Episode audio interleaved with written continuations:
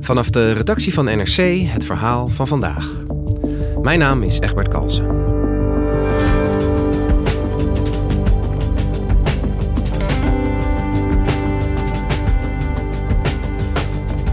Niet of nauwelijks kunnen rondkomen van je inkomen en je gezondheid die leidt onder je werk.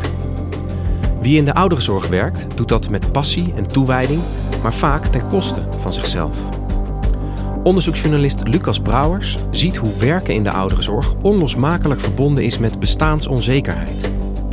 Hoe zit het met de kwetsbaarheid van de zorgende klasse?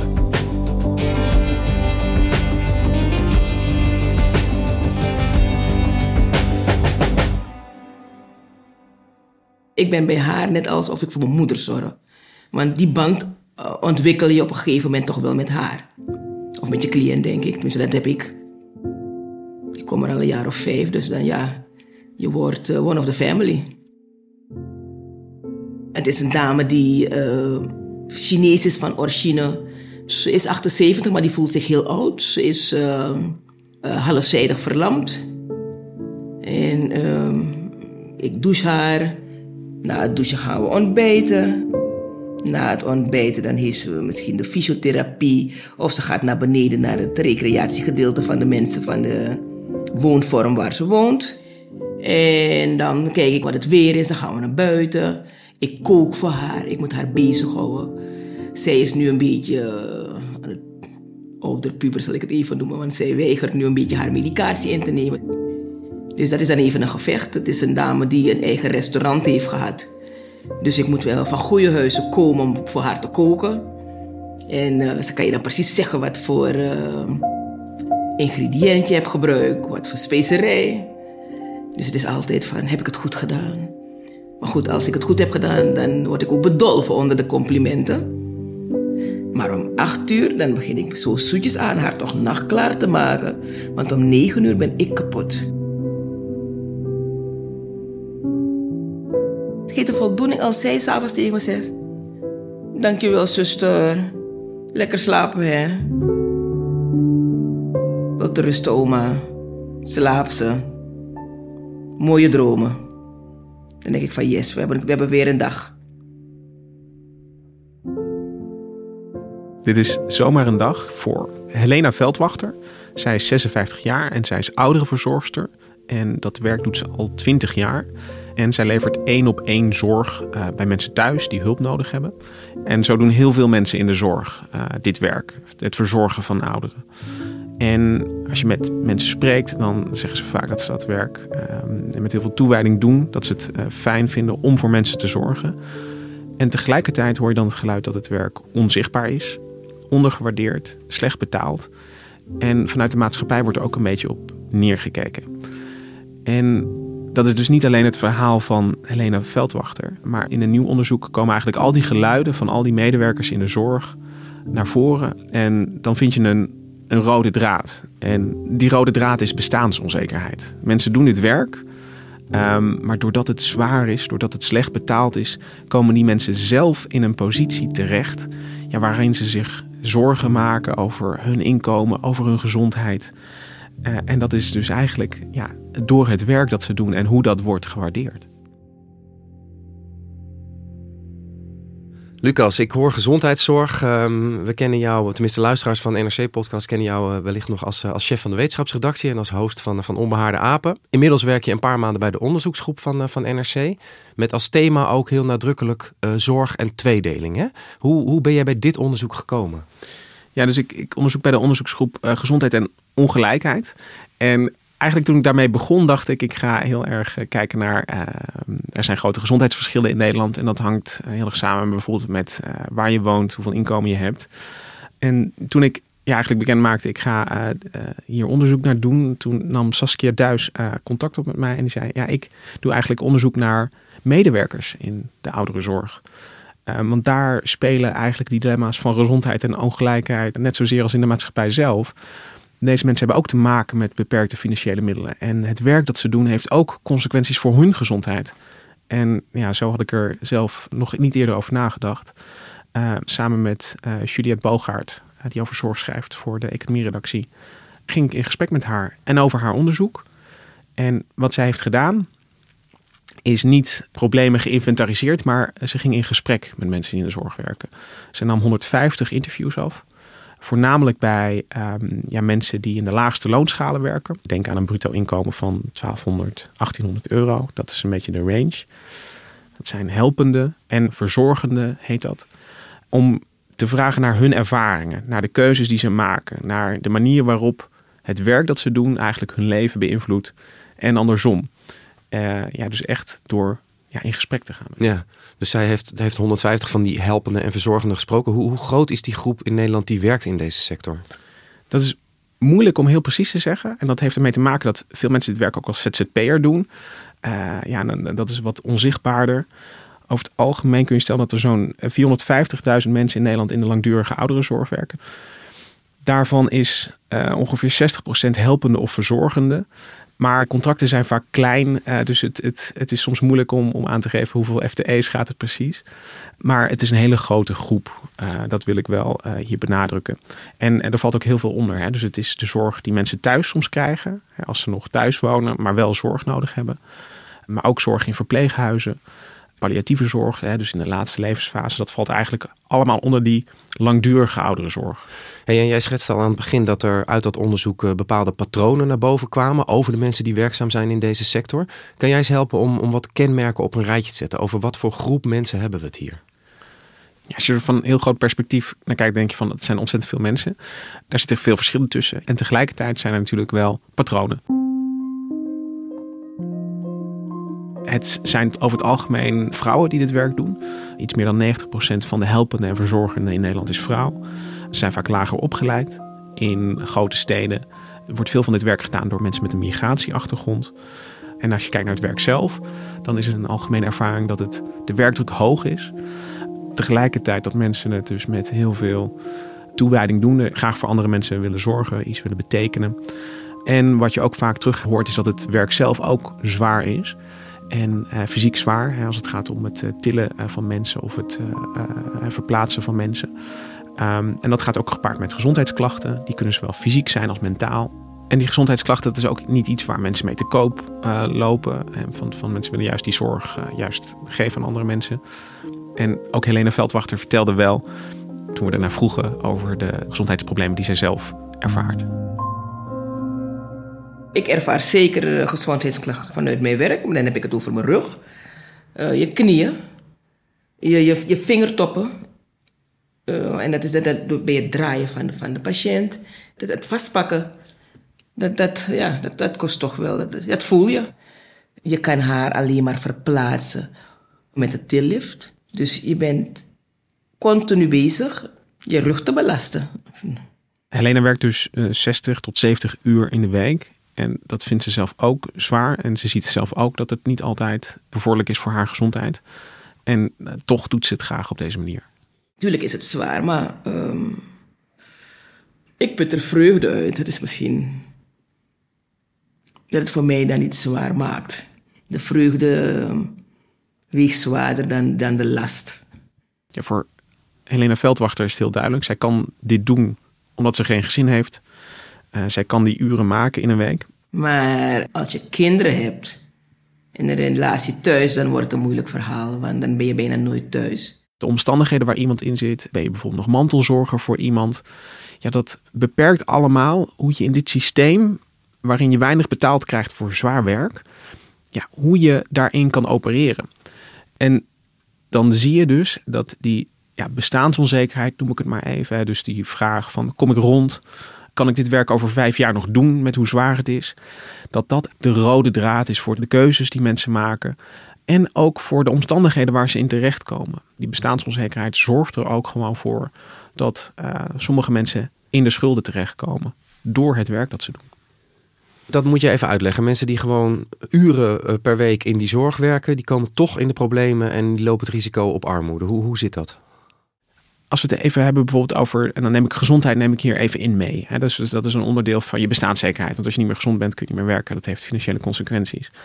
In veel gesprekken die Duis voerde, merkten ze dat de gezondheid, dat is ook een, een issue waar niet veel over gesproken wordt. Hè? Dus dan gaat het bijvoorbeeld over het pijnstilling die mensen gebruiken om toch het werk te kunnen blijven doen. Hè? Dat, dat zware tillen. Dat dat vaak niet iets is wat mensen met elkaar bespreken of met hun manager delen. Uh, maar waardoor ze wel uiteindelijk arbeidsongeschikt kunnen raken. Of uh, het werk niet vol kunnen houden tot aan hun pensioen. Dat zien we ook heel veel. Dat mensen ja, met vervroegd pensioen gaan of eerder stoppen met werken. Dat is een kwetsbaarheid die erin zit.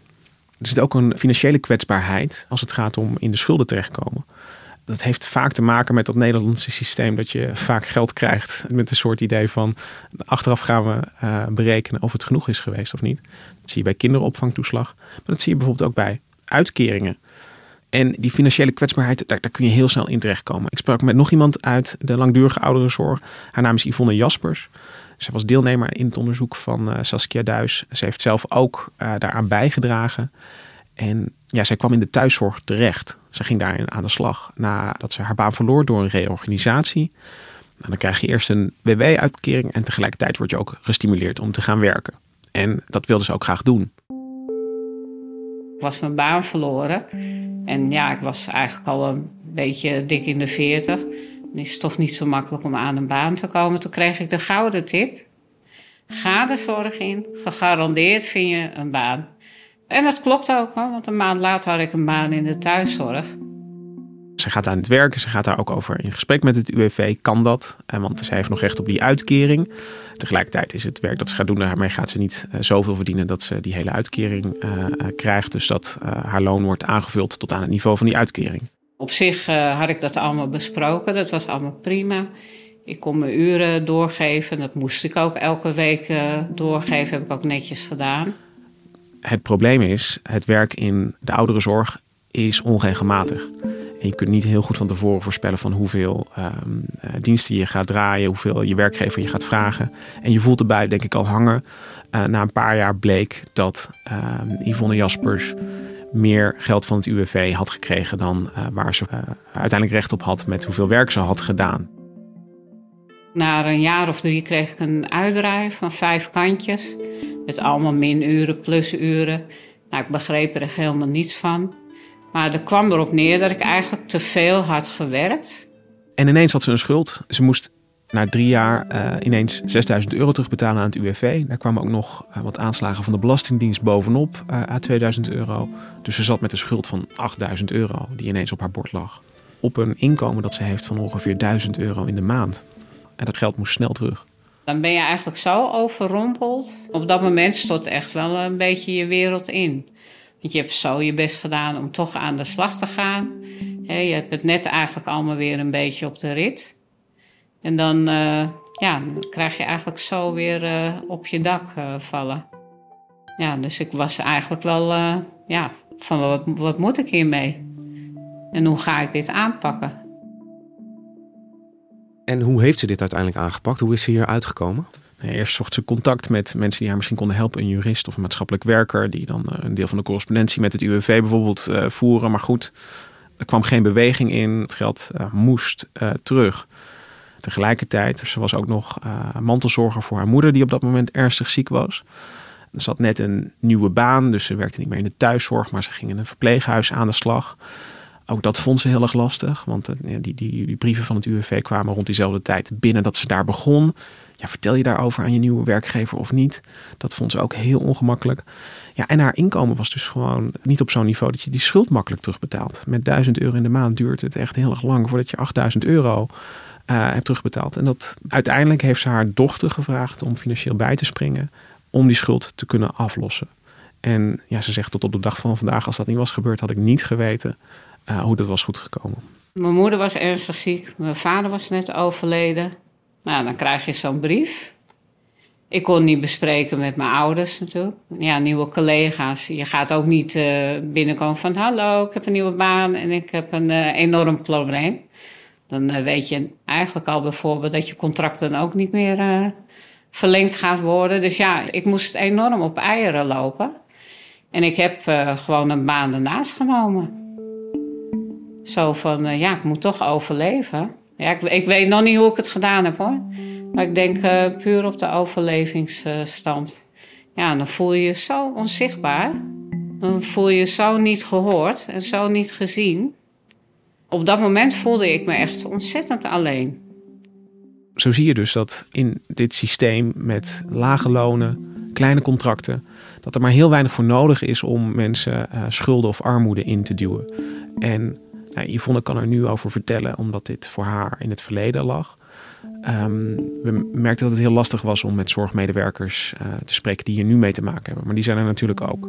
En we horen wel van werkgevers dat die problemen gewoon spelen. Dat er dus uh, veel uh, loonbeslag wordt gelegd op het loon van, van zorgmedewerkers. Dus er zijn mensen die echt schulden hebben.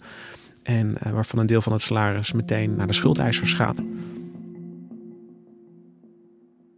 Dat zijn schrijnende verhalen van die mensen die jij gesproken hebt en die ook in het onderzoek opduiken. Het voelt ook alsof dat natuurlijk helemaal niet de bedoeling is. Hè? Mensen die zo belangrijk werk doen in de ouderenzorg en die tegelijkertijd zo makkelijk eigenlijk in de problemen komen. Is nou aan te wijzen waar dit is ontstaan, dit probleem? Wat is hier de essentie van?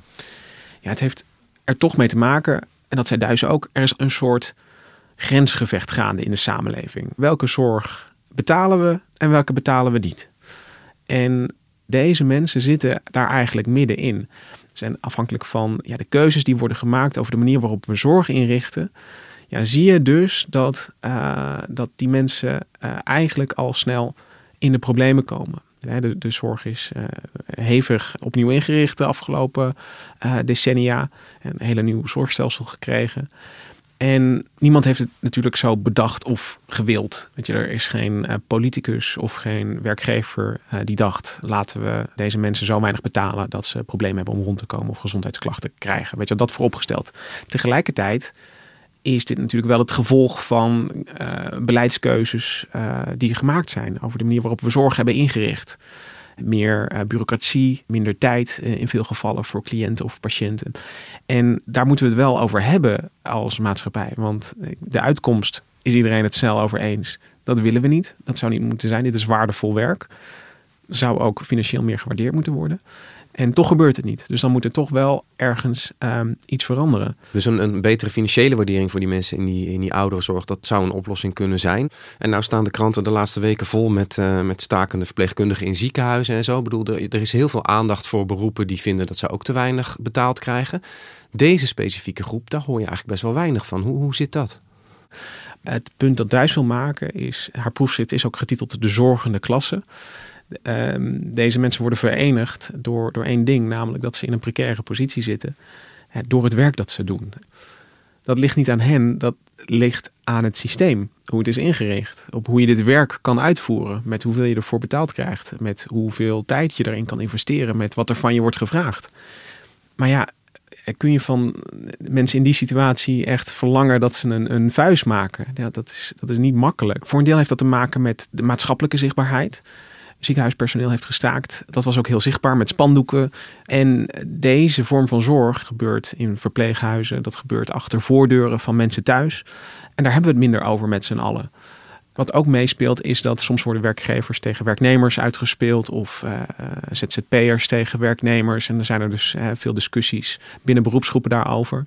Ja, en een van de punten die Duis ook in de proefschrift maakt is van er zit een gedeeld belang hier voor jullie. Dat jullie in deze precaire positie zitten. Dat zitten jullie allemaal. En jullie maken misschien andere keuzes.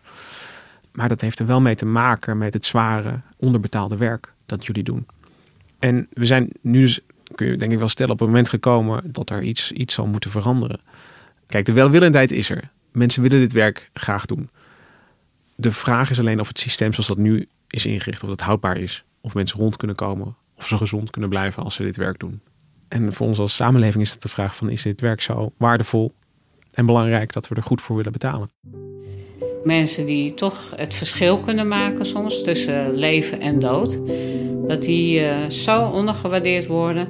Dat vond ik ook schokkend hoor, want ik kwam natuurlijk uit een hele andere sector. En ik heb ook vaak gedacht van wat gebeurt hier?